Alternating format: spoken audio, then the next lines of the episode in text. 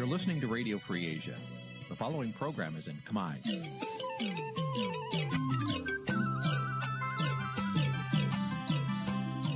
នេះជាកម្មវិធីផ្សាយ Vuthu Azizi Serai នេះជាកម្មវិធីផ្សាយរបស់ Vuthu Azizi Serai ជាភាសាខ្មែរ Vuthu Azizi Serai សូមស្វាគមន៍លោកអ្នកនាងទាំងអស់ពីរដ្ឋធានី Washington នៃសហរដ្ឋអាមេរិក។ ចាប់ផ្សាយផ្ទាល់ពីរដ្ឋធានី Washington នាងខ្ញុំខែសុណងសូមជម្រាបសួរលោកនាងកញ្ញាប្រិយមិត្តអ្នកស្ដាប់និងអ្នកទស្សនាការផ្សាយរបស់វិទ្យុអេស៊ីសេរីទាំងអស់ជាទីមេត្រីចា៎នាងខ្ញុំសូមជូនកម្មវិធីផ្សាយសម្រាប់យប់ថ្ងៃសៅរ៍5កើតខែផុតត្របត់ឆ្នាំឆ្លូវត្រីស័កពុទ្ធសករាជ2565ដែលត្រូវនឹងថ្ងៃទី11ខែកញ្ញាគ្រិស្តសករាជ2021ចា៎ជាដំបូងនេះសូមអញ្ជើញលោកនាងស្ដាប់ព័ត៌មានប្រចាំថ្ងៃដែលមានមេត្តាដូចតទៅ thank you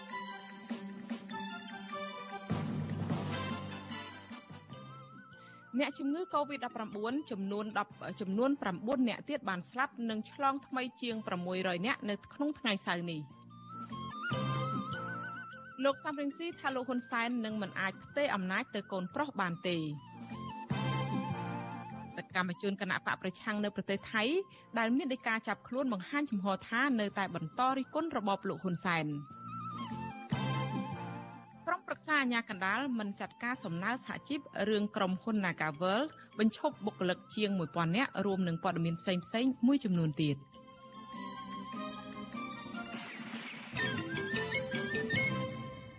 ជាបន្តទៅនេះនាងខ្ញុំខែសុណងសូមជូនព័ត៌មានទាំងនេះពិស្ដា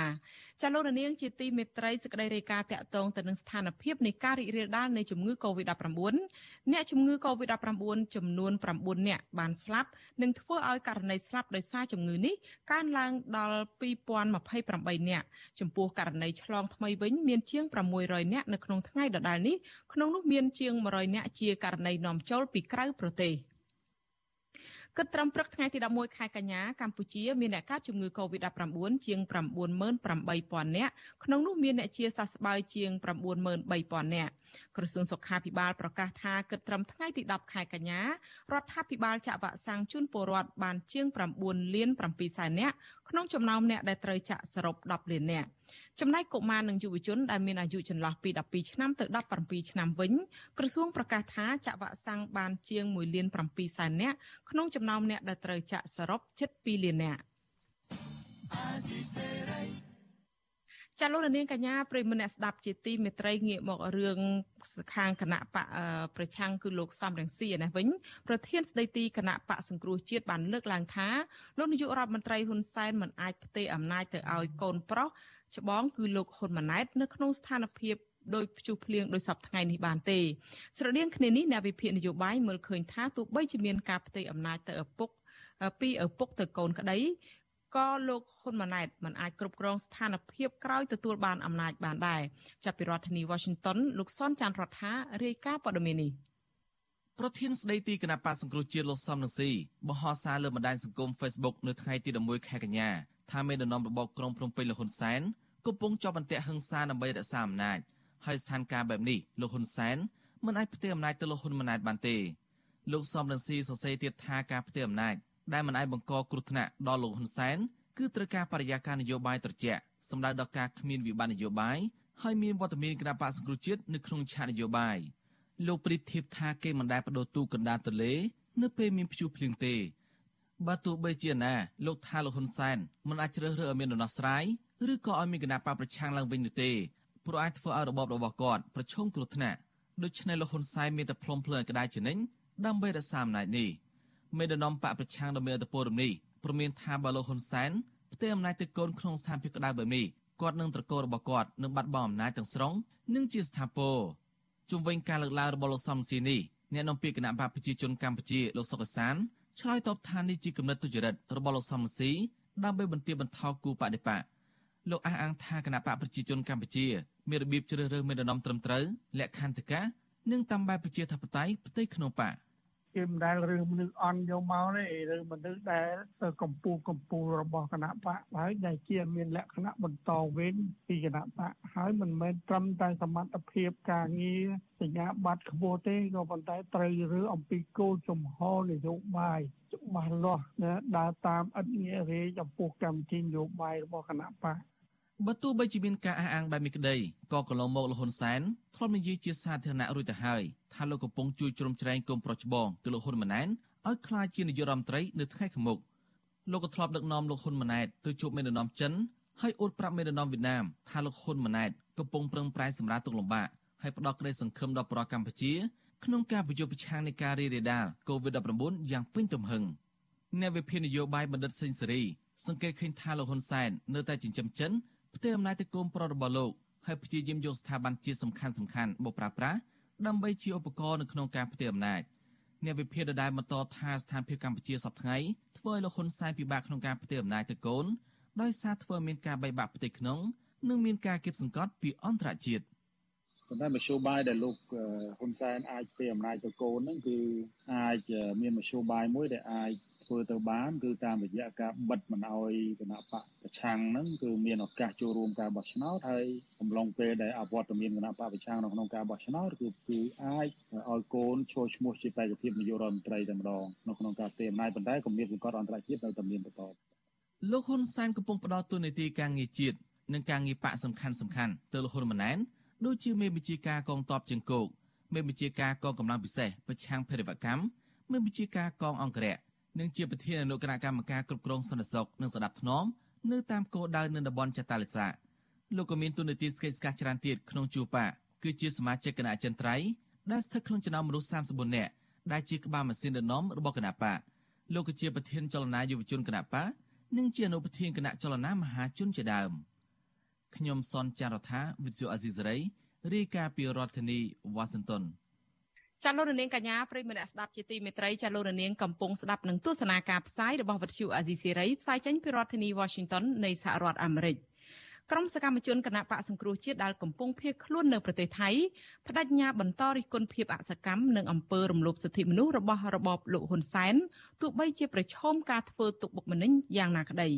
ការប្រកាន់ជំហរបែបនេះគឺធ្វើឡើងបន្ទាប់ពីអាជ្ញាធររបបលោកហ៊ុនសែនប្រមានចាប់ខ្លួនពួកគេបញ្ជូនមកដាក់ឃុំនៅក្នុងពន្ធនាគារនៅកម្ពុជាតាមសាលក្រមផ្ដន្ទាទោសកំបាំងមុខរបស់តុលាការក្រុងភ្នំពេញ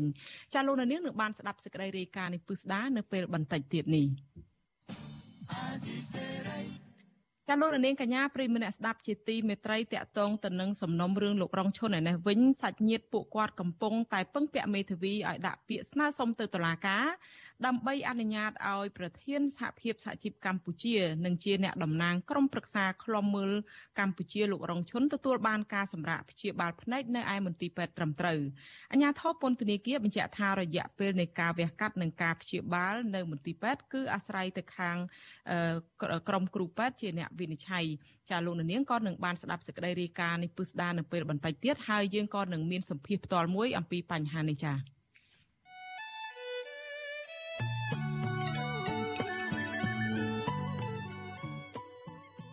ចាលោករនាងកញ្ញាប្រិមម្នាក់ស្ដាប់ជាទីមេត្រីចាលោករនាងដែលអាចក៏អាចស្ដាប់ការផ្សាយផ្ទាល់វិទ្យុអាស៊ីសេរីដំណើរគ្នាទៅនឹងការផ្សាយលើបណ្ដាញសង្គម Facebook និង YouTube តាមរយៈរលកធាតុអាកាសខ្លីឬ Shortwave តាមកម្រិតនិងកម្ពស់ដូចតទៅនេះចាប់ពេលព្រឹកចាប់ពីម៉ោង5កន្លះដល់ម៉ោង6កន្លះតាមរយៈរលកធាតុអាកាសខ្លី9940 kHz ស្មើនឹងកម្ពស់ 30m ពេលយប់ចាប់ពីម៉ោង7កន្លះដល់ម៉ោង8កន្លះតាមរយៈរលកធាតុអាកាសខ្លី9960 kHz ស្មើនឹងកម្ពស់ 30m និង11240 kHz ស្មើនឹងកម្ពស់ 25m ចាសសូមអរគុណ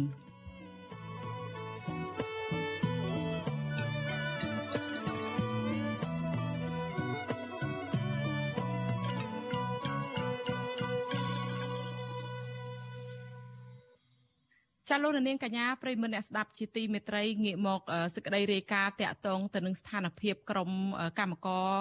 នៅក្នុងក្រុមហ៊ុន Casino NagaWorld ឯនេះវិញសហជីពនៃក្រុមហ៊ុន Casino NagaWorld លើកឡើងថាសេចក្តីសម្រេចរបស់ក្រុមប្រឹក្សាអាជ្ញាកណ្ដាលមានភាពលំអៀងទៅខាងភាគីក្រុមហ៊ុននិងបង្កើតភាពអយុត្តិធម៌សម្រាប់ក្រុមបុគ្គលិក ការរិះគន់នេះគឺបន្ទាប់ពីក្រុមប្រឹក្សាអាជ្ញាកណ្ដាលបានសម្រេចមិនចាត់ការនៅចំណុចទៀមទាមួយចំនួនរបស់ភាគីកម្មករដែលត្រូវបានក្រុមហ៊ុនបញ្ឈប់ដោយមិនត្រឹមត្រូវសហជីពមើលឃើញថាក្រុមប្រឹក្សាអាជ្ញាកណ្ដាលមានទំនោរទៅខាងក្រុមហ៊ុនដោយមិនឈលលើគោលការណ៍ច្បាប់នៅក្នុងការដោះស្រាយវិវាទការងារដ៏រ៉ាំរ៉ៃមួយនេះទេប្រធានសហភភិ សហជីពត្រួតត្រងសិទ្ធិការងារបុគ្គលិកកម្មករខ្មែរនៃក្រុមហ៊ុន Casino Naga World កញ្ញាឈឹមស៊ីធឲ្យដឹងនៅថ្ងៃទី11ខែកញ្ញានេះថាក្នុងពេលដែលជួបពិភាក្សាផ្សះផ្សាចំនួនទាំងពីរលើកក្រុមប្រឹក្សាអាជ្ញាកណ្ដាលមិនហ៊ានលើកយកទស្សនវិជ្ជាផ្លូវច្បាប់យកមកបកស្រាយនៅចំពោះមុខតំណាងក្រុមហ៊ុន Naga World ទេខណៈដែលស្ថាប័នជាតិមួយនេះទទួលជំនួយពីបរទេសនិងត្រូវតែឯករាជ្យនៅក្នុងការដោះស្រាយវិវាទការងារនៅកម្ពុជា កញ្ញាបញ្ជាក់ថាការទៀមទារបស់សហជីពនេះគឺស្របទៅច្បាប់ស្តីពីការងារដែលមានស្រាប់ដោយមិនចង់បានដំណោះស្រាយពីក្រុមហ៊ុនហួសពីច្បាប់នោះទេកញ្ញាចាត់ទុកការសម្រេចនេះថាធ្វើឲ្យភាគីក្រុមហ៊ុនទទួលបានផលចំណេញ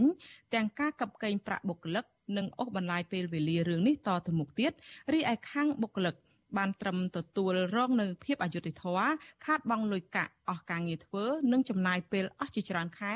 នៅក្នុងការស្វែងរកដំណោះស្រាយចំនួននេះគឺត្រឹមសំតាមអាមីនីមុំឡាននេះបើន័យថាអាបន្ទាត់ទៀតបំផុត តែដែលច្បាប់ចៃហ្នឹងគឺយើងចង់បានតែត្រឹមតែប៉ុណ្្នឹងឯងអត់ទាន់បានសុំលើសល្អលើច្បាប់ទោះបីជាច្បាប់បានអនុញ្ញាតលើកទឹកចិត្តឲ្យនយោជកផ្ដាល់ផ្ដាល់អ្វីដែលល្អជាងច្បាប់ឲ្យកម្មករនិយាយចិត្តក៏ឲ្យគាត់អត់តាមបានទាន់ទីរដ្ឋដំណាក់កាលហ្នឹងផងសេចក្តីប្រកបអាញាកដាលដែលគាត់បដិសេធមិនពិចារណានេះវាបង្ហាញពីការបរាជ័យរបស់ ក្រុមប្រសាញ្ញាកដាលតើថ្ងៃក្រោយយើងអាចពឹងពាក់ទៅលើក្រុមប្រសាញ្ញាកដាលនឹងទៀតអត់ហើយតើមូលនិធិអន្តរជាតិគ្រប់គ្រងផ្ដល់លុយដល់ថវិកាឲ្យអាជ្ញាកណ្ដាលដំណើរការរងថ្ងៃហ្នឹងតើការចំណាយទាំងអស់ហ្នឹងវាសមថ្លៃឬទេដែលចំណាយលុយរាប់ម៉ឺនរាប់ពាន់ដុល្លារក្នុងមួយឆ្នាំឲ្យអាជ្ញាកណ្ដាលប៉ុន្តែអាជ្ញាកណ្ដាលហ៊ានបកស្រាយច្បាប់ ប្រតិកម្មរបស់មេដឹកនាំសហជីពរូបនេះគឺធ្វើឡើងបន្ទាប់ពីក្រុមប្រឹក្សាអាជ្ញាកណ្ដាលកាលពីថ្ងៃទី10ខែកញ្ញាបានសម្រេចបដិសេធការពិចារណាចំពោះការទៀមទារបស់សហជីព3ចំណុចចំណុចទាំងនោះរួមមានការបញ្ឈប់គម្រោងកាត់បន្ថយបុគ្គលិកនៅសល់ជិត400នាក់ការបន្តផ្ដល់ប្រាក់រំលឹកអតីតភាពការងារមុនឆ្នាំ2019ឲ្យបុគ្គលិកនិងការកណនាប្រាក់រំលឹក អតីតភាពការងារមុនឆ្នាំ2019ឲ្យបានត្រឹមត្រូវតាមច្បាប់ផ្ទុយទៅវិញស្ថាប័នរដ្ឋមួយនេះបង្គាប់ឲ្យភាគីក្រុមហ៊ុនអនុវត្តការកណនាប្រាក់បំណាច់អតីតភាពការងារនិងប្រាក់អត្ថប្រយោជន៍ផ្សេងទៀតពេលបញ្ចប់កិច្ចសន្យាការងារនៅចុងឆ្នាំ2020និងដើមឆ្នាំ2021ជូនបុគ្គលិកឲ្យបានត្រឹមត្រូវនិងបន្តបើកប្រាក់បំណាច់អតីតភាពការងារឆ្នាំ2020និងឆ្នាំ2021បន្តទៀត។ វត្តជូអាស៊ីសេរីមិនអាចតាក់ទងសុំការបកស្រាយរឿងនេះពី លេខាធិការដ្ឋាននៃក្រមប្រឹក្សាអាជ្ញាកណ្ដាលលោកប៉ែនសវ៉ាតបានទេនៅថ្ងៃទី11ខែកញ្ញានេះដោយទូរស័ព្ទហៅចូលតែពុំមានអ្នកទទួលតាក់ទងទៅនឹងវិវាទនេះអ្នកគ្រប់គ្រងកម្មវិធីសិទ្ធិការងារនៃអង្គការសង្ត្រាល់លោកខុនថារ៉ូមើលឃើញថាការអូសបន្លាយពេលវេលា ចាប់តាំងពីថ្នាក់ក្រសួងរហូតដល់ក្រមប្រឹក្សាអាជ្ញាកណ្ដាលនៅតែមិនមានដំណោះស្រាយបែបនេះគឺដោយសារតែមន្ត្រីអធិការកិច្ចនៃក្រសួងការងារមិនពន្លឿនការងាររបស់ខ្លួនចុះពិនិត្យមើលសំណុំរឿងនេះ ជាមួយគ្នានេះលោកថាក្រសួងក៏មិនបានបង្ហាញលទ្ធផលជាក់លាក់ណាមួយថាការបញ្ឈប់បុគ្គលិកទ្រង់ទ្រាយធំបែបនេះកើតមានកើតចេញពីក្រុមហ៊ុនខ្សែធនឬក្រុមហ៊ុនរើសអើងសហជីពនោះដែរលោកយល់ថាប្រសិនបើក្រសួងការងារមិនដោះស្រាយវិវាទនេះឲ្យបានច្បាស់លាស់ទេករណីនេះនឹងคล้ายទៅជាគំរូអាក្រក់ដល់ក្រុមហ៊ុនសហគ្រាសឬរោងចក្រផ្សេងទៀតដែលចង់បញ្ឈប់កម្មករនិយោជិតនិងសហជីពដោយមិនផ្ដល់សំណងឲ្យពួកគេឲ្យបានត្រឹមត្រូវតាមផ្លូវច្បាប់ក ន្លងមកនឹងក្រសួងនឹងបានធ្វើការបកស្រាយទៅអង្គការពលកម្មអន្តរជាតិនៅក្នុងសន្និសីទរបស់អង្គការពលកម្មអន្តរជាតិតាក់ទងទៅនឹងករណី Naga នឹងហើយតម្លៃនឹងក្រសួងខ្លួនឯងនឹងក៏មិនបានបកស្រាយឲ្យបានទូលំទូលាយទៅនឹងស្មារតីនៃច្បាប់នឹងដែរអញ្ចឹងអាចំណុចមួយនឹងហើយវាជាមន្ទិលសង្ស័យថាតើវាជាចេតនានៅក្នុងការអនុវត្តនីតិវិធីឬក៏ពជាពេលហើយបើសិនជាយើងអនុវត្តចឹងបានអញ្ចឹងនយោជកផ្សេងផ្សេងទៀតនឹងគាត់អាចប្រើប្រាស់វិធីសាស្ត្របច្ចេកទេសដូច Naga World ហ្នឹង ទៅអនុវត្តនៅក្នុងការបញ្ឈប់កម្មករផ្សេងផ្សេងទៀតនឹងបានដូចគ្នាអាប្រសិទ្ធភាពនៅក្នុងការអនុវត្តច្បាប់នោះវាមានការលំអៀងអញ្ចឹងអាភាពអយុត្តិធម៌នោះវាអាចកើតមានឡើងហើយបើសិន Nagawal អនុវត្តចឹងបានក្រុមហ៊ុនធំធំទៀតដូច Nagawal នឹងអាចអនុវត្តចឹងដូចគ្នាដែរវិទ្យុអស៊ីស្រីមិនអាចតតងសុំការឆ្លើយតបរឿងនេះពីអ្នកនាំពាក្យក្រសួងការងារលោកហេងសួរបានទេដោយហៅទូរស័ព្ទចូលតែពុំមានអ្នកទទួល ក្រុមហ៊ុន Casino Naga World ដែលធ្លាប់ជាប់ឈ្មោះមិនល្អនៅក្នុងបញ្ជីក្រុមហ៊ុនរំលោភសិទ្ធិការងារអះអាងថាខ្លួនមានបញ្ហាលំបាកផ្នែកហិរញ្ញវត្ថុទើបឈានទៅដល់ការបញ្ឈប់បុគ្គលិកជាង1300នាក់ឬជិត20%នៃបុគ្គលិកក្រុមហ៊ុនបែបនេះផ្ទុយពីការអះអាងនេះសហជីពឲ្យដឹងថាក្រុមហ៊ុន Casino Naga World នៅតែអាចរកប្រាក់ចំណូលបានជាង900លានដុល្លារហើយចំណេញបានជាង100លានដុល្លារនៅក្នុងឆ្នាំ2020កន្លងទៅនិងកំពុងចំណាយលុយសាងសង់អគារ Nagavel 3បន្ថែមទៀតនៅពេលដែលប្រទេសកម្ពុជាកំពុងជួបវិបត្តិ COVID-19 សហជីពអះអាងថាការអះអាងបែបនេះគឺមិនសមហេតុសមផលនិងមិនអាចទទួលយកបានឡើយហើយសហជីពយល់ថាការបញ្ឈប់បុគ្គលិកជាសមាជិកសហជីពនិងមេដឹកនាំសហជីពដែរនោះគឺជាការរើសអើងនិងមិនចង់ឲ្យមានវត្តមានសហជីពនៅក្នុងក្រុមហ៊ុនតទៅទៀតព្រោះក្រុមហ៊ុនខ្លាចបុគ្គលិកទាមទារអត្ថប្រយោជន៍ការងារច្រើនពីក្រុមហ៊ុន វិទ្យុអស៊ីសេរីមិនអាចសុំការឆ្លើយតបរឿងនេះពីប្រធានប្រតិបត្តិបុគ្គលិករបស់ក្រុមហ៊ុន Casino Nagavel លោកម៉ៃងៃបានទេ ដោយទូរស័ព្ទហៅចូលតែពុំមានអ្នកទទួល គិតមកដល់ពេលនេះសហជីពបានដឹងថានៅសល់បុគ្គលិកជិត400នាក់ក្នុងចំណោម1300នាក់ដែលមិនព្រមទទួលយកសំណងពីក្រុមហ៊ុនឡើយដោយសារតែការទូទាត់សំណងនោះមិនបានត្រឹមត្រូវតាមច្បាប់ស្តីពីការងារក្នុងការស្វែងរកដំណោះស្រាយរឿងនេះបន្តទៀតសហជីពនឹងរើសយកជំរើសមួយ ថាតើបន្តប្តឹងរឿងនេះទៅតុលាការឬធ្វើកោតកម្មចានៅខាងមុខក្រុមហ៊ុនដោយផ្អែកទៅលទ្ធភាពទៅតាមលទ្ធផលបោះឆ្នោតរបស់ក្រុមបុគ្គលិកនៅពេលខាងមុខ។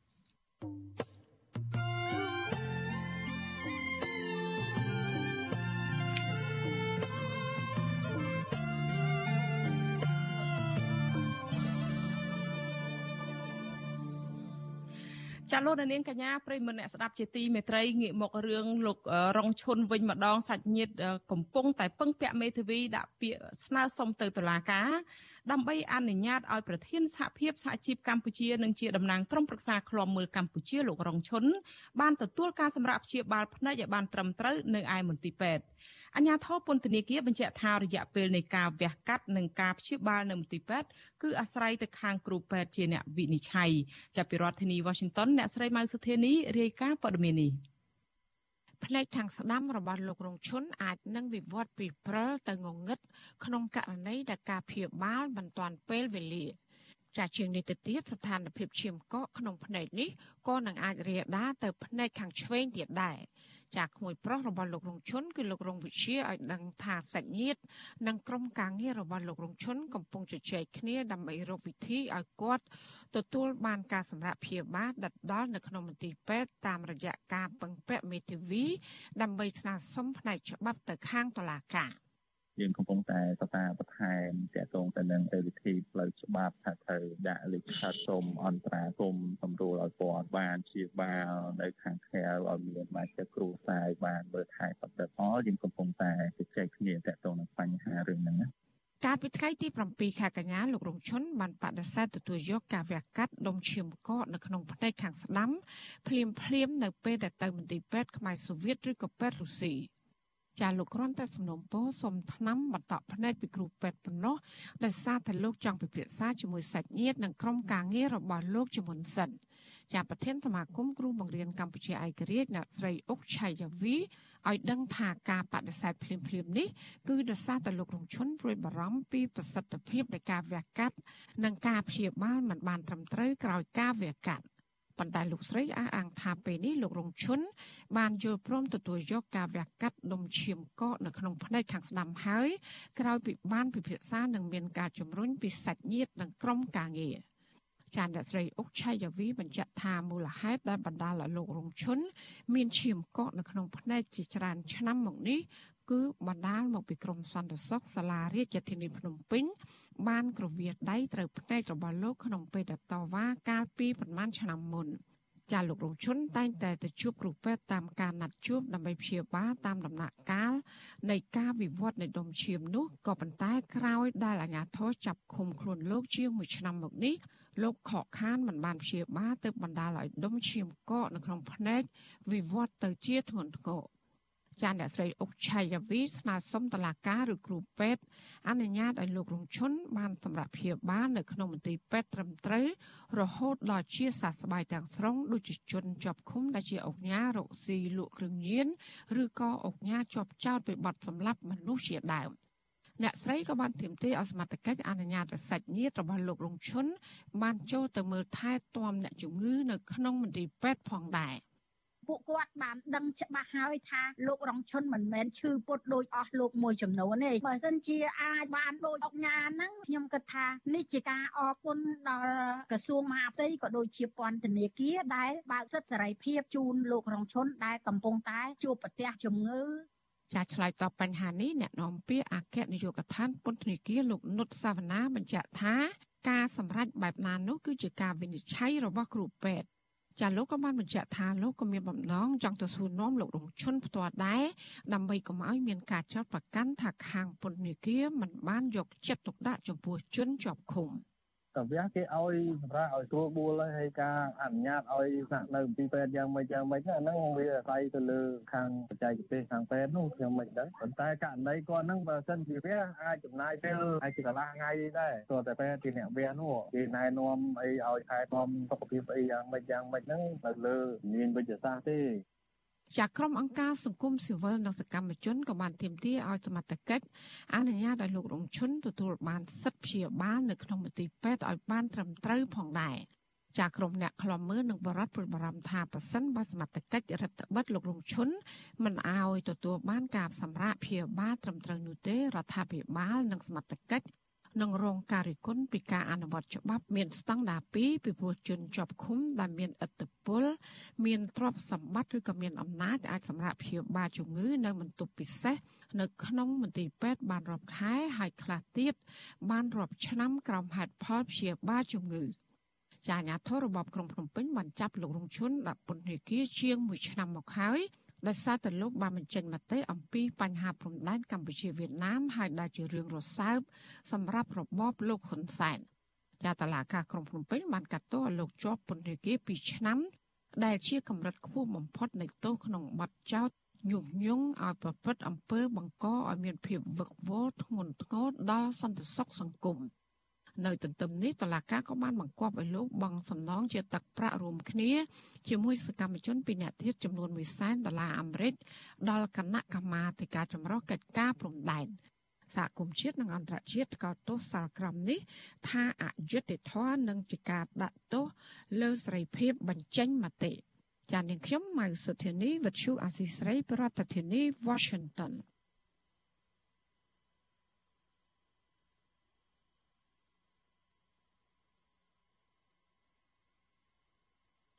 ចាលោករនាងកញ្ញាប្រិយមិត្តអ្នកស្ដាប់ជាទីមេត្រីចាតកតងទៅនឹងសេចក្តីរាយការណ៍របស់អ្នកស្រីម៉ៅសុធីនេះនេះយើងមានបទសម្ភាសផ្ទាល់មួយជាមួយអ្នកគ្រូអុកឆៃវីអ្នកគ្រូគឺជាប្រធានសមាគមគ្រូបង្រៀនកម្ពុជាឯករាជ្យដែលអ្នកគ្រូទៅតែបានជួបផ្ទាល់សម្ភាសជួបនិយាយប្រស័យតកតងផ្ទាល់ជាមួយលោករងឈុនតាមទូរស័ព្ទហើយយើងចង់ដឹងថាតើអ្នកគ្រូនឹងមានសារអ្វីខ្លះជុំវិញរឿងថាសុំឲ្យមានការព្យាបាលភ្នែករបស់លោករងឈុនឲ្យបានត្រឹមត្រូវនោះចាសូមជំរាបសួរអ្នកគ្រូអុកឆាយាវីចាជំរាបសួរចា អ្នកគ្រូដោយសេចក្តីរាយការណ៍អំបញ្ញមិញនេះរបស់អ្នកស្រីម៉ៅសុធានីអញ្ចឹងថាលោករងឈុននឹងមានបញ្ហាស្ថានភាពភ្នែករបស់គាត់នឹងគឺត្រូវតម្រូវឲ្យមានការវះកាត់ជាបន្ទាន់បើពុំនោះទេនឹងវិវត្តតើអ្នកគ្រូអាចជម្រាបជូនលោកអ្នកស្ដាប់បន្តិចបានទេថាតើវិវត្តនឹងជំងឺនឹងទៅកម្រិតណាហើយឮថាអ្នកគ្រូបានជួបប្រស្រ័យតាក់ទងតាមទូរស័ព្ទជាមួយលោករងឈុនថ្ងៃមិញនេះតើមានដំណឹងអីខ្លះពីលោករងឈុនចាចាអឺជំនួស ដែលស្ដាប់អីហើយក៏ទៅវិទ្យុអាស៊ីដែលបានកិត្តិយសឲ្យអ្នកខ្ញុំហើយថ្ងៃនេះខ្ញុំបានជួបជាមួយលោករងឈុនតាមរយៈទូរស័ព្ទចំនួន3នាទី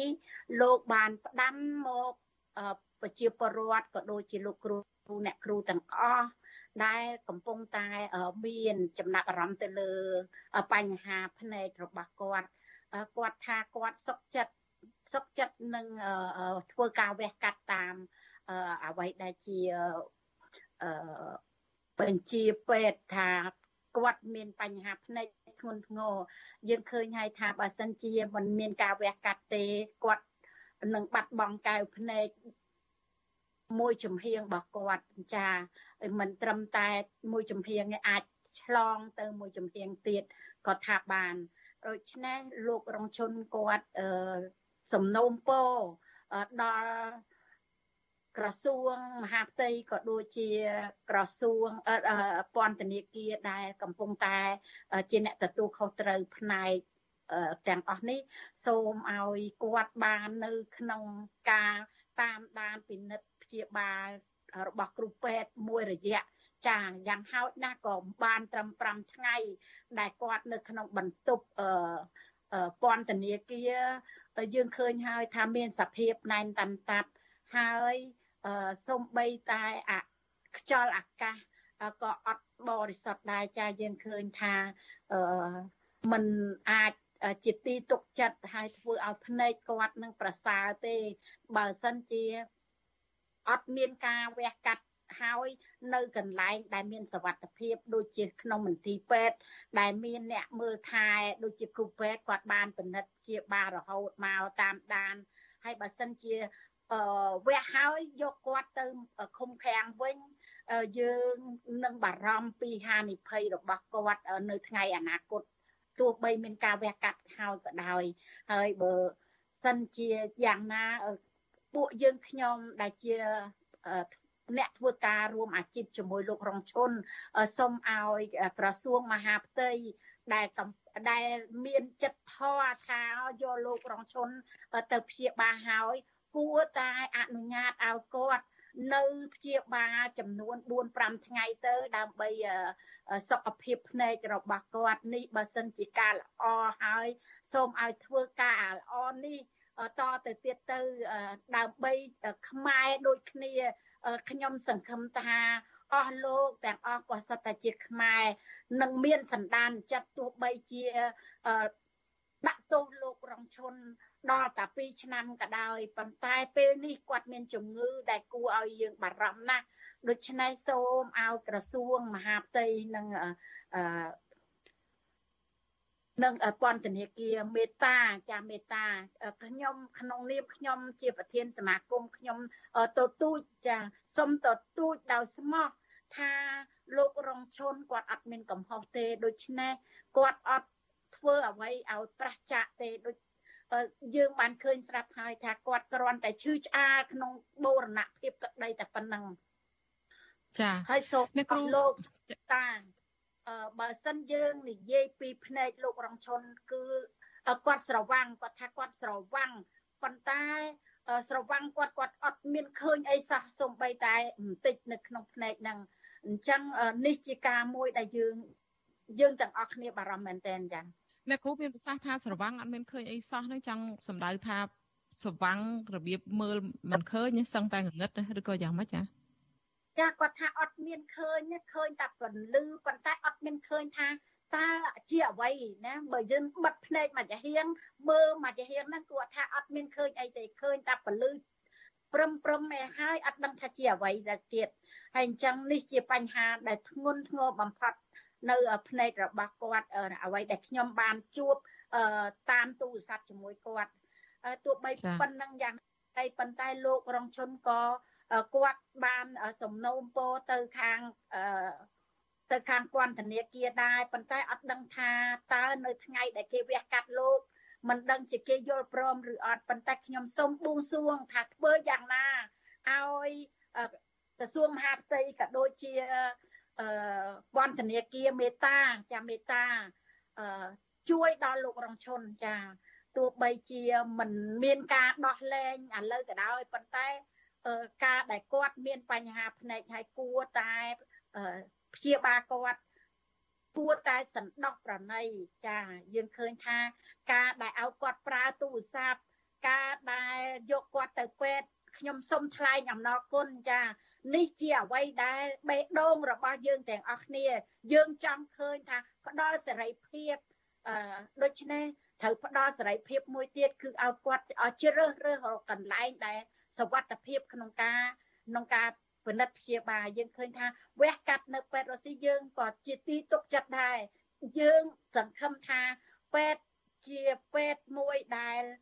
មានក្រមសិលធម៌វិជ្ជាជីវៈល្អសម្រាប់ព្យាបាលលោករង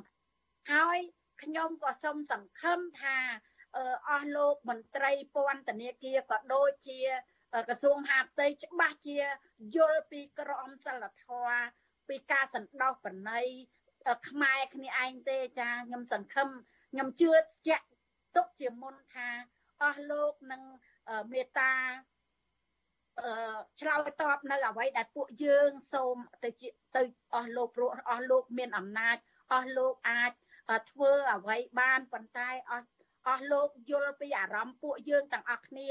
ដែលយើងទាំងអស់គ្នាកំពុងតែត្រូវការឲ្យអស់លោកសណ្ដោស ដល់ភ្នែករបស់លោករងឈុនចាព្រោះជីវិតរបស់គាត់នៅវែងឆ្ងាយតទៅទៀតព្រោះគាត់លះបង់ទាំងអស់ដើម្បីប្រទេសជាតិទេគាត់មិនលះបង់ដើម្បីបុគ្គលគាត់ដូច្នេះខ្ញុំសង្ឃឹមទុកជាមុនថានឹងអស់លោកប្រោះប្រណីដល់គាត់ចាចាអ្នកគ្រូអុកឆាយាវីមួយទៀតអញ្ចឹងសរុបជារួមមកថាការដែលទៀមទាសុំឲ្យមានការវះកាត់នឹងគឺសុំឲ្យមានការសម្រាកនៅមន្ទីរពេទ្យខាងក្រៅនឹងឲ្យបាន យូរថ្ងៃទៅយ៉ាងហោចណាស់4 5ថ្ងៃមុនបញ្ជូនត្រឡប់ទៅ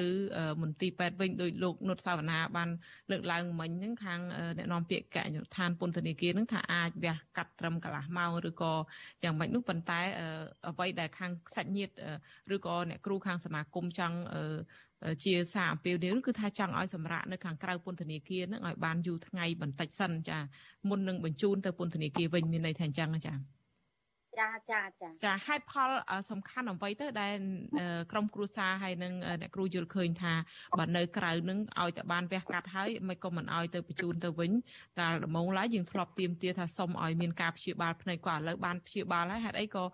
មិនឲ្យគាត់នៅព្យាបាលហើយវះកាត់ហើយបានបញ្ជូនទៅវិញទៅភ្លាមទៅចាចាក្នុងនាមការវះកាត់ភ្នែកយើងឃើញហើយថាការថ្នាក់ថ្នម ការមើលថែក៏យើង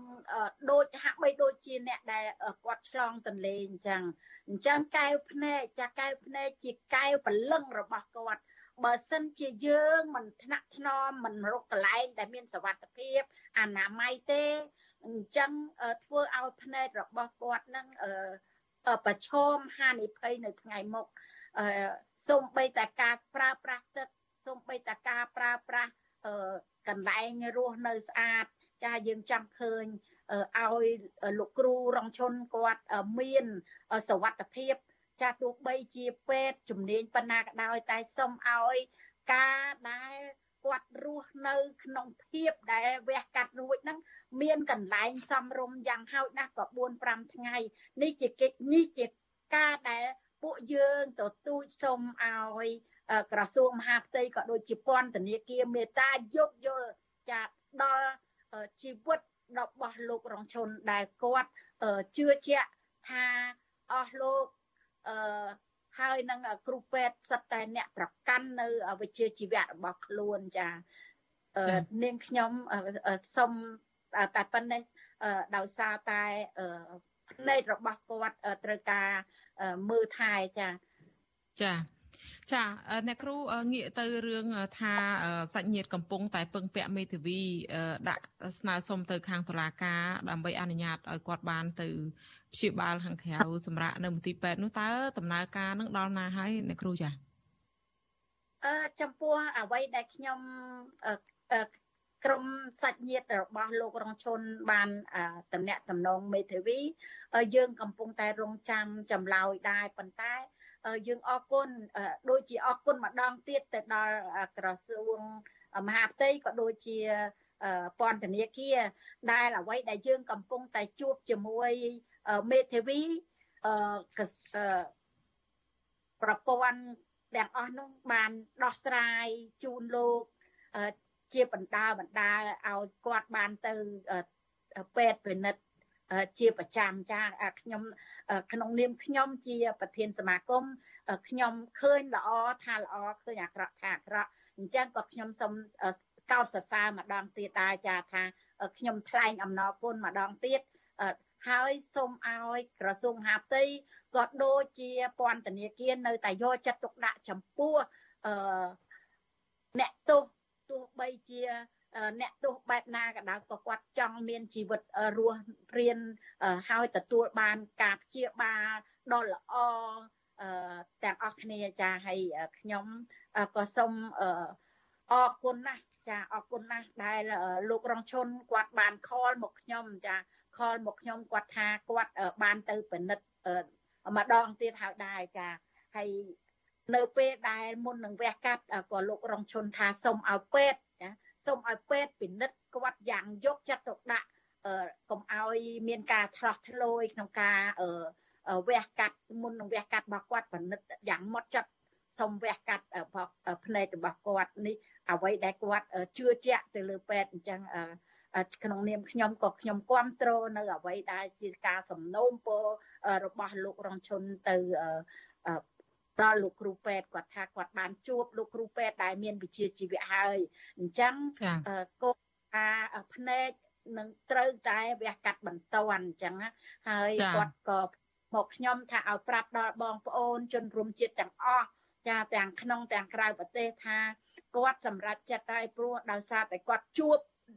គ្រូពេទ្យដែលមានវិជ្ជាជីវៈហើយដែលមានជំនាញផ្នែកតែម្ដងចា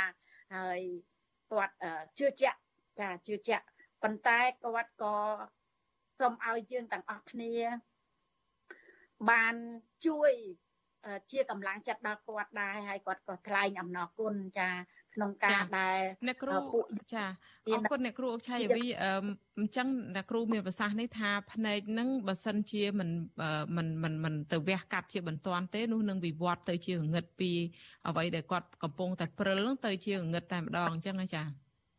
ចាចាហ្នឹងហើយគាត់គាត់ថាជួបពេទ្យពេទ្យបាននិយាយអញ្ចឹងដូចគ្នាអញ្ចឹងណាហើយគាត់ថាគាត់បានជួបអ្នកដែលជំនាញក្នុងការវះកាត់ភ្នែកហើយហើយគាត់ហ្នឹងក៏អឺហើយខ្ញុំក៏បានជួបជាមួយដុកទ័រជាច្រើនខាងផ្នែកភ្នែកគេក៏បានមានប្រសាសន៍ដូចអ្វីដែលលោកគ្រូពេទ្យបានមានប្រសាសន៍ទៅលោករងឈុនដែរ ចាអ្នកគ្រូអុកឆាយវីចុងក្រោយមុននឹងលាគ្នាចង់ជំរាបសួរអ្នកគ្រូដែរនៅពេលដែលអ្នកគ្រូប្រស័យតាក់ទងរឿងបញ្ហាសុខភាពភ្នែកជាមួយលោករងឈុននៅថ្ងៃនេះនឹងថាតើអឺថាតើតកតងនឹងសុខភាពផ្សេងផ្សេងនៅក្នុងខ្លួនរបស់គាត់វិញគាត់មានបញ្ហាសុខភាពអីផ្សេងទៀតទេឬក៏គាត់មានបញ្ហាអីផ្សេងទៀតដែរអ្នកគ្រូចាអឺចំពោះលោករងឈុននៅនៅពេលនេះ គាត់មិនមែនតែមានបញ្ហាភ្នែកទេគាត់មានជំងឺលើសឈាម ដែលគាត់ប្រើថ្នាំជាប្រចាំគាត់មានជំងឺអាចអំពង់កកាជាពិសេសគាត់អំពង់កគាត់គឺគាត់បើសិនជាយើងស្ដាប់សំឡេងដែលគាត់និយាយមកកាន់ខ្ញុំពេលដែលឮសូមសំឡេងគាត់គឺគាត់មានបញ្ហាអំពង់ក ខ្ញុំឃើញថាអំពង់ករបស់គាត់ក៏មានបញ្ហាធ្ងន់ធ្ងរដែរព្រោះគាត់កាហេមជាប្រចាំគាត់ក្អកគាត់អីអញ្ចឹងជាប្រចាំហើយខ្ញុំគិតថា អ្វីដែលគាត់ធ្ងន់ធ្ងរគាត់មានជំងឺប្រចាំកាយជាច្រើនតទៅទៀតអ្វីដែលខ្ញុំដឹងគឺមានបញ្ហាលើសឈាមនិងបញ្ហាអំពង់កធ្ងន់ធ្ងរចានឹងអ្វីដែលខ្ញុំ ខ្ញុំដឹងហើយប៉ុន្តែទៅដល់ពន្ធនាគារខ្ញុំអត់ដឹងថាតើជំងឺរបស់គាត់ហ្នឹងมันបានទៅជួបពេទ្យជំនាញផ្សេងផ្សេងដើម្បីពិនិត្យហ្នឹងតើវិវត្តប៉ុណ្ណាហើយទៀតខ្ញុំអត់ដឹងទេដោយសារតែគាត់ថាមិនអីទេមិនអីទេអញ្ចឹងគាត់មិនឲ្យពួកយើងបារម្ភឲ្យយើងនឹងខំប្រឹងដើម្បីប្រទេសជាតិ ឬក៏ខំប្រឹងដើម្បីលទ្ធិប្រជាធិបតេយ្យទៅ ហើយអ្វីដែលគាត់ជាប់ពន្ធនាគារនៅតែ10ខែទៀតទេនេះជាការផ្ដាំផ្ញើរបស់គាត់សូមឲ្យយើងនៅតែមានសេចក្តីក្លាហានហើយក៏អរគុណដល់វិសុអាស៊ីសេរីដែលបានតែងតែយកព័ត៌មានឈឺឆ្អាលរឿងរបស់លោកដែរនេះគាត់សូមផ្ដាំផ្ញើហើយក៏ដល់ ពលរដ្ឋទាំងអស់ដែលកំពុងតែតាមដានស្ដាប់អាស៊ីសេរីបានន័យថាសិតតែឈឺឆ្អាលសិតតែអ្នកដែលចង់ឃើញប្រទេសជាតិរបស់យើងបានមានលទ្ធិប្រជាធិបតេយ្យមានសិទ្ធិសេរីភាពក្នុងការបញ្ចេញសម្លេងក្តីការជួបប្រជុំក្តីចាយើងឃើញយើងចង់ឃើញទាំងអស់គ្នាគាត់ប្រាប់អញ្ចឹងអ្វីដែលយើង អ្វីដែលយើងកំពុងតែធ្វើហ្នឹងគឺយើងចង់ដាក់ចង់ឃើញអឺយុវជនយើងទាំងអស់មានសិទ្ធិសេរីភាពទទួលបានក្នុងការចូលរួមដើម្បីប្រទេសជាតិទាំងអស់គ្នាចឹងចាអរគុណច្រើនអ្នកស្រីអុកឆៃវីដែលអ្នកស្រីតែងតែចំណាយពេលមានតម្លៃចូលរួមផ្ដល់សម្ភារអំពីស្ថានភាពលោករងឈុនជូនលោកនាងឲ្យបានជ្រាបនៅពេលនេះចាសូមអរគុណនិងជំរាបលាអ្នកស្រីត្រឹមប៉ុណ្ណេះសិនចាចាជំរាបលាចា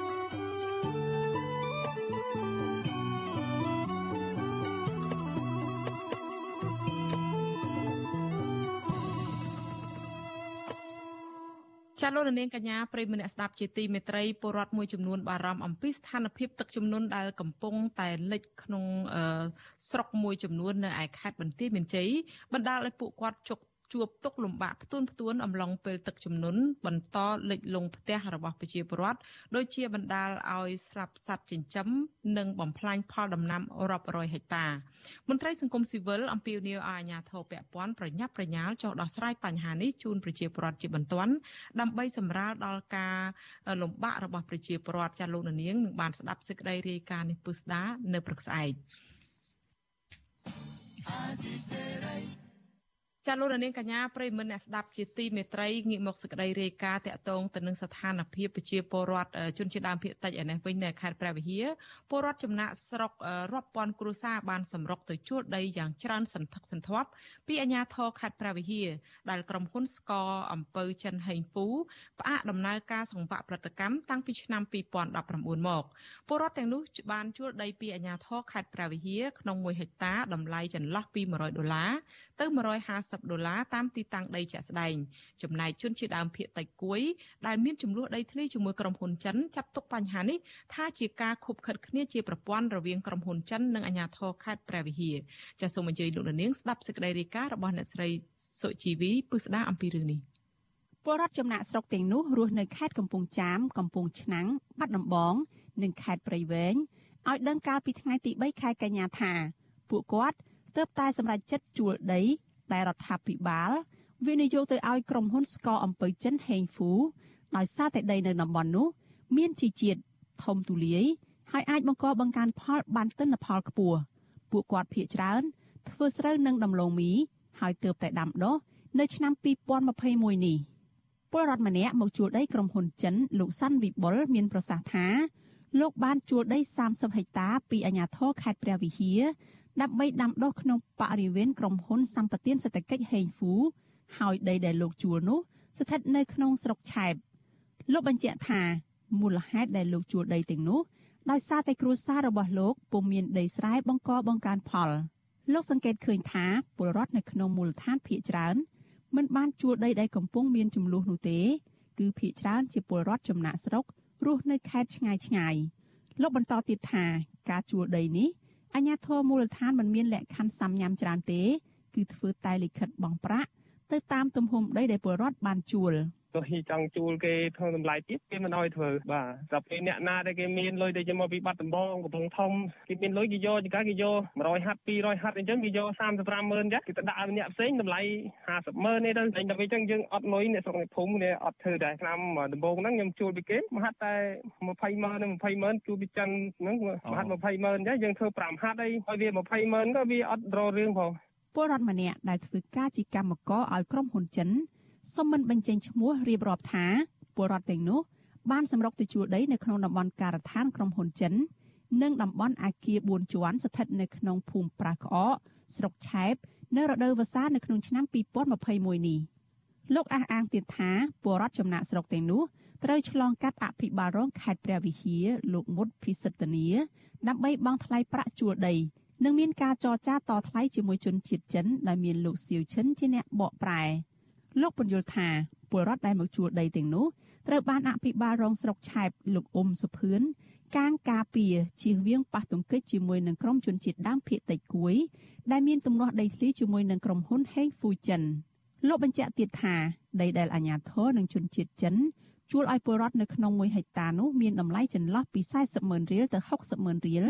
ទៅតាមតំបន់ដីមានទីតាំងជាប់ផ្លូវនិងឆ្ងាយពីផ្លូវ គឺថ្លៃជាងតម្លៃដែលរដ្ឋជួលឲ្យក្រុមហ៊ុនចិននៅក្នុង1ហិកតាតម្លៃ5ដុល្លារ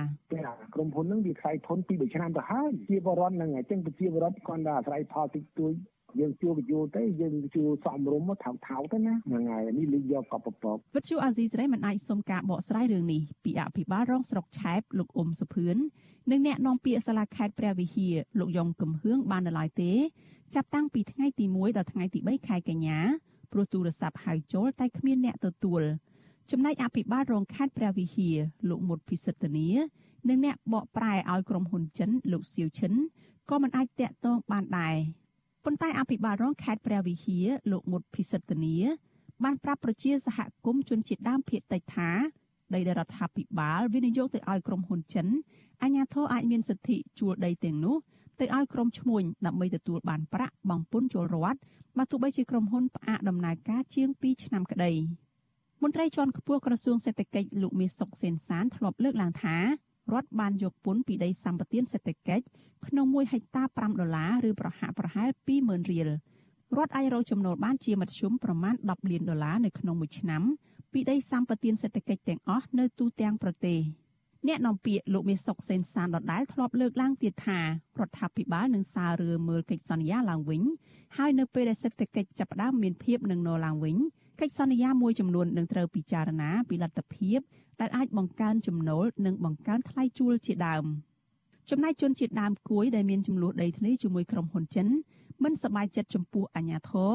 ដែលជួលដីមានចំនួនមួយចំនួនឲ្យពលរដ្ឋចំណាក់ស្រុកមកពីខេត្តឆ្ងាយឆ្ងាយដូច្នោះទេ ពួកគេចាត់ទុកទង្វើនេះថាជារឿងមិនសមទំនងខណៈដែលចំនួនដីធ្លីរវាងពលរដ្ឋប្រព័ន្ធគ្រួសារជាមួយនឹងក្រុមហ៊ុនចិន នៅមិនទាន់ដោះស្រាយចប់សពគ្រប់នៅឡើយជនជាតិដើមភាគតិចគួយរស់នៅភូមិគោកឃុំស្អាងស្រុកជ័យសែនលោកស្រីព្រំញេបថ្លែងថាដីចំការរបស់លោកស្រីទំហំ25ហិកតាត្រូវក្រុមហ៊ុនរំលោភយកជិត10ឆ្នាំមកហើយលោកស្រីថាពួកគាត់តែងតែមានអ្នកចូលទៅធ្វើស្រែនិងដាំដំណាំលើដីរបស់ពួកគាត់វិញ ពីព្រោះអ្នកភូមិគ្មានដីធ្លីសម្រាប់បង្កបង្កើនផលចិញ្ចឹមជីវិតឡើយលោកស្រីបន្ថែមថាកន្លងមកលោកស្រីបានចូលទៅដាំដុះនៅក្នុងដីរបស់លោកស្រីខ្លះដែរប៉ុន្តែអាជ្ញាធរមូលដ្ឋាននិងក្រុមឈ្មួញចិនគម្រាមកំហែងបំផ្លាញដំណាំរបស់លោកស្រីលោកស្រីថាមកដល់ពេលនេះអាជ្ញាធរនិងក្រុមហ៊ុនចិនហាមមិនឲ្យគ្រួសាររបស់លោកស្រីបង្កបង្កើនផល នៅលើដីរបស់ខ្លួននោះទេ ចាជំរាបខ្ញុំផ្ទាល់គ្រូតាមដលងទៅខាងចាន់នោះគាត់មកទាលុយពីខ្ញុំតែខ្ញុំក៏បាននិយាយបកស្រាយទៅគាត់ថាខ្ញុំអត់មានលុយខ្លួនទេព្រោះអីដីនេះខ្ញុំធ្វើដីរបស់បងប្អូនហើយខាងឯណាមួយគាត់នឹងមកឈូសឆាយចោលថាជាស្ដីនេះគាត់មកហើយថ្ងៃមួយនោះទៅមានមេផ្សេងចិត្តខាងឃើញចាន់គាត់ជិះឡានមកមកដល់គាត់បោចដលងខ្ញុំចូលឡើង5 10ម៉ែត្រស្រដៀងគ្នានេះជនជាតិដើមភាគតិចគួយរស់នៅភូមិប្រាក់ក្អកឃុំមលូព្រៃ2ស្រុកឆែប លោកស្រីអៀមហូនវ័យ50ឆ្នាំរៀបរាប់ទាំងទឹកភ្នែកថាគ្រួសាររបស់លោកស្រីមានដីទំហំ6ហិកតាជាគេដូនតាគ្រប់គ្រងជាច្រើនឆ្នាំមកហើយត្រូវបានក្រុមហ៊ុនស្ករអំពើចិន Heng Fu រំលោភឈូសឆាយអស់ទាំងស្រុងកាលពីឆ្នាំ2015ស្ត្រីរូបនេះបន្តថាកន្លងមកលោកស្រីបានចូលទៅធ្វើស្រែនៅលើដីរបស់ខ្លួន ដែលក្រុមហ៊ុនបានរំលោភយកប៉ុន្តែអាជ្ញាធរបានរៀបរៀងនឹងគម្រាមកំហែងមិនឲ្យបង្កបង្កើនផលនោះទេ លោកស្រីបន្ថែមថាអ្នកភូមិប្រះក្អកភៀកច្រើនរស់ពឹងផ្អែកលើមុខរបរធ្វើស្រែហើយបើគ្មានដីស្រែពួកគាត់នឹងប្រឈមខ្វះខាតស្បៀងអាហារនៅឆ្នាំក្រោយជាមិនខានខ្ញុំឈឺយូរណាស់តាំងពីក្រុមហ៊ុនចូលមកខ្ញុំឈឺគេយកដីខ្ញុំអស់ខ្ទមខ្ញុំពីលវែង 4គុណនឹង5គេឈូគំតែគំទីអស់ហើយដល់ពេលប្រាប់អញ្ញាធរណាគេអត់ដោះស្រាយប្រាប់អញ្ញាធរណាគេអត់ដោះស្រាយទេតែសម្រាប់តែអញ្ញាធរទេគេអត់ដឹងថាអត់ទទួលស្គាល់ថាអីខ្ញុំប្រុសគេមិនចាំអោយខ្ញុំមានជីវិតរស់ជុំវិញរឿងនេះនាយកប្រតិបត្តិអង្គការពន្លកខ្មែរលោកពឹកសុភ័ណ្ឌមានប្រសាសន៍ថា ការជួលដីឲ្យពលរដ្ឋចំណូលថ្មី ធ្វើឲ្យមានការរំលោភសិទ្ធិពលរដ្ឋមូលដ្ឋានព្រោះដីនៅក្នុងតំបន់ជនជាតិដើមភាគតិចជាដីដែលពួកគាត់បានស្នើសុំចុះបញ្ជីប្រើប្រាស់សមូហភាពលោកសង្កេតឃើញថាក្រោយពេលក្រុមហ៊ុនបានផ្អាកដំណើរការពលរដ្ឋចំណូលថ្មីតែមកជួលដីដែលមានចំនួននោះជាបន្តបន្ទាប់ហើយក្នុងតំបន់ខ្លះអាជ្ញាធរបានលក់ដីនិងចេញប្លង់កម្មសិទ្ធិឲ្យក្រុមឈ្មួញថែមទៀត។ ប្រសិនបើរដ្ឋមានគោលការណ៍ច្បាស់លាស់ស្ដីអំពីការបែងចែកដីសម្បត្តិសង្គមគិច្ចអានឹងក៏រដ្ឋអាចធ្វើទៅបានដែរតាមដែលវិធានដែលមានស្រាប់ណាក៏ប៉ុន្តែដីនៅក្នុងតំបន់ជនជាតិដើមភាគតិចគឺជាដីដែលសហគមន៍ជនជាតិដើមភាគតិចបាននឹងកំពុងស្នើសុំចុះបញ្ជីដីសមូហភាពអញ្ចឹងដីហ្នឹងมันអាចទៅពុះទៅជ្រៀកអាជ្ញាធរយកចំណែកនៅក្នុងនឹងបានទេ មន្ត្រីសង្គមស៊ីវិលរូបនេះយល់ថារដ្ឋាភិបាលគួរណាតែដកហូតដី ដែលបានសម្បទានទៅឲ្យក្រុមហ៊ុនចិននោះនិងដោះស្រាយចំនួនដីធ្លីជូនប្រជាសហគមន៍ជនជាតិដើមភាគតិចដើម្បីឲ្យពួកគាត់បានចូលទៅធ្វើស្រែចម្ការនៅលើដីរបស់ពួកគាត់ឡើងវិញនាយករងទទួលបន្ទុកផ្នែកឃ្លាំមើលសិទ្ធិមនុស្សនៃអង្គការសិទ្ធិមនុស្សលីកាដូលោកអំសំអាតមានចម្ងល់ថាតើដីសម្បទានសេដ្ឋកិច្ចនៅតំបន់នោះគ្រប់គ្រងដោយក្រុមហ៊ុន ឬគ្រប់គ្រងដោយរដ្ឋាភិបាល។ លោកបន្ថែមថាប្រសិនបើដីនោះគ្រប់គ្រងដោយក្រុមហ៊ុនចិនហើយក្រុមហ៊ុនបានជួលដីសម្បត្តិទាំងនោះទៅឲ្យពលរដ្ឋខ្មែរគឺផ្ទុយពីកិច្ចសន្យាវិនិយោគហើយបើសិនជាក្រុមហ៊ុននឹងមានការអខានឬក៏ខ្សែធនឬក៏អីយ៉ាងម៉េចអាហ្នឹងវាត្រូវតែមានការចរចាឬការផ្ដល់ព័ត៌មានទៅ អាជ្ញាធរមានសមាជិកនៃចុះចុះកិច្ចសន្យានៃការផ្ដល់សម្ពាធដីសេដ្ឋកិច្ចនឹងវិញដើម្បីឲ្យមានការដំណោះស្រាយថ្មីក្រុមហ៊ុនសម្បទានសេដ្ឋកិច្ចហេងហ្វូទទួលបានសិទ្ធិវិនិយោគពីរដ្ឋាភិបាលលើផ្ទៃដីទំហំជាង40000ហិកតាតាំងពីឆ្នាំ2011ដើម្បីវិនិយោគដាំអំពៅនិងកៅស៊ូក្រុមហ៊ុននេះជាក្រុមហ៊ុនមេនិងមានបទសម្ព័ន្ធក្រុមហ៊ុនចំនួន5ផ្សេងទៀតវត្តមានរបស់ក្រុមហ៊ុនចិនហេងហ្វូចាប់តាំងពីឆ្នាំ2011មក ធ្វើឲ្យប៉ះពាល់ទៅដល់ជនជាតិដើមភាគតិចប្រមាណ2000គ្រួសារស្ថិតនៅក្នុងភូមិចំនួន25នៃខេត្តព្រះវិហារប្រជាសហគមន៍ថាក្រុមហ៊ុនបានឈូសឆាយប៉ះពាល់ដីស្រែពលរដ្ឋលុបប្រភពទឹកអូរធម្មជាតិបំផ្លាញព្រៃឈើយ៉ាងធំធេងនិងបានឈូសឆាយដីទួលប្រាសាទបុរាណ4កន្លែង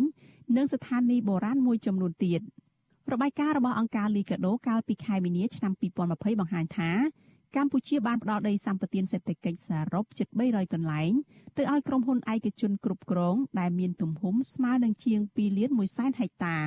ក្នុងនោះក្រុមហ៊ុនរបស់ចិនទទួលបានចំណែកគ្រប់គ្រងដីនៅកម្ពុជាច្រើនជាងគេ គឺប្រមាណ4សែនហិកតាឬស្មើនឹងជាង5ដងនៃផ្ទៃដីរបស់ប្រទេសសង្ហបុរីបច្ចុប្បន្ននាងខ្ញុំសុជីវីវិទ្យុអាស៊ីសេរីពីរដ្ឋធានី Washington ចលនានាងកញ្ញាប្រិមត្តអ្នកស្ដាប់ជាទីមេត្រីពលករខ្មែរមួយចំនួនដែលទើបត្រឡប់មកពីប្រទេសថៃរិះគន់អាជ្ញាធរខេត្តឧត្តរមានជ័យថារៀបចំធ្វើមណ្ឌលចតាឡេស័កមិនបានត្រឹមត្រូវបណ្ដាលឲ្យពលករជាច្រើនអ្នកឆ្លងជំងឺ Covid-19 ការលើកឡើងបែបនេះគឺក្រោយពេលដែលពលករជាច្រើនអ្នកបានឆ្លងជំងឺ Covid-19 ដោយសារតែពួកគាត់ជាប់គាំងនៅក្នុងមណ្ឌលចតាឡេស័ករយៈពេលយូរលើសពីគោលការណ៍របស់ក្រសួងសុខាភិបាលចាសសូមអញ្ជើញលោករនាងស្ដាប់សេចក្តីរាយការណ៍របស់លោកទីនសាការីយ៉ាអំពីរឿងនេះ ពលករត្រឡប់មកពីប្រទេសថៃទៅនោះថ្លែងថាប្រសិនបើអាជ្ញាធរខេត្តឧត្តរមានជ័យរៀបចំកន្លែងធ្វើចតាឡេសាជូនដល់ពលករឲ្យបានច្បាស់លាស់នោះពួកគាត់នឹងមិនឆ្លងជំងឺ Covid-19 ឡើយពលករទាំងនោះត្រូវបានអាជ្ញាធរបញ្ជូនទៅមណ្ឌលព្យាបាលជំងឺ Covid-19 នៅក្រុងសំរោងខេត្តឧត្តរមានជ័យភ្លាមភ្លាមបន្ទាប់ពីមន្ត្រីសុខាភិបាលខេត្តនេះធ្វើចតាឡេសាឃើញជំងឺ Covid-19 ពលករមានស្រុកកំណើតនៅខេត្តកំពង់ធំម្នាក់ថ្លែងសុំមិនបញ្ចេញឈ្មោះអះអាងថាពួកលោកមានគ្នាជិត10នាក់បានឆ្លងជំងឺ Covid-19 ក្រោយពេលធ្វើចតាលិស័កនៅមណ្ឌលពហុកីឡាដ្ឋានស្រុកអន្លង់វែងអស់រយៈពេលពី14ថ្ងៃទៅ20ថ្ងៃពលករវ័យ34ឆ្នាំរូបនេះបន្តថាមូលហេតុដែលពួកលោកឆ្លងជំងឺ Covid-19 ដោយសារអាញាធរដាក់ពលករលាយឡំគ្នាជាមួយអ្នកកើតជំងឺ Covid-19 នៅក្នុងមណ្ឌលចតាលិស័កតែមួយដោយមិនមានការសម្អាតអនាម័យឲ្យបានច្បាស់លាស់អូងាប់បងវិទ្យាថាទេមិនទៅជើងហើយភ័យ ខ្ញុំនឹងថាមិនបើគេរៀបចំអញ្ចឹងគឺជាឆ្ងល់ហើយមិនដឹងថាគេដាក់ដាក់ជាប់ឬមួយយ៉ាងណាខ្ញុំឥឡូវនឹងទៅដាក់តទៀតក្នុង21ថ្ងៃទៀតវាឡើងចូលគិត2ខែដែរដាក់យូរពេកយកដាក់ដាក់តទៅជាប់នេះជាប់ឆ្លងគ្នាបងនៅខាងខាងខ្ញុំទៅជាប់នៅជាមួយតអ្នកហើយដេកជាប់ជាប់គ្នាហ្នឹងគេទៅអស់ហើយហ្នឹងហើយវាដែរទៅឆ្លងទៅឆ្លងមកនេះពលកររូបនេះបន្ថែមថានៅក្នុងមណ្ឌលចតាលិស័កជាមួយលោកមានពលករជាង1000នាក់ដោយអ្នកខ្លះបានជាប់គាំងនៅទីនោះជាង2ខែមកហើយ មិនទាន់បានចេញទៅស្រុកកំណើតនៅឡើយទេលោកបញ្ជាក់ថាការធ្វើបែបនេះធ្វើឲ្យពលករមួយចំនួនរអ៊ូរទាំព្រោះបានប៉ះពាល់ដល់អារម្មណ៍របស់ពួកគាត់ផងនិងប្រឈមនឹងការឆ្លងជំងឺ Covid-19 ផងលោកថាអាញាធរបានដាក់ពួកគេនៅក្នុងបន្ទប់ណានចង្អៀតហើយឲ្យប្រើបន្ទប់ទឹករួមគ្នានឹងគេធ្វើយ៉ាងណាវិញទៅពេលអញ្ចឹងខ្ញុំអត់យល់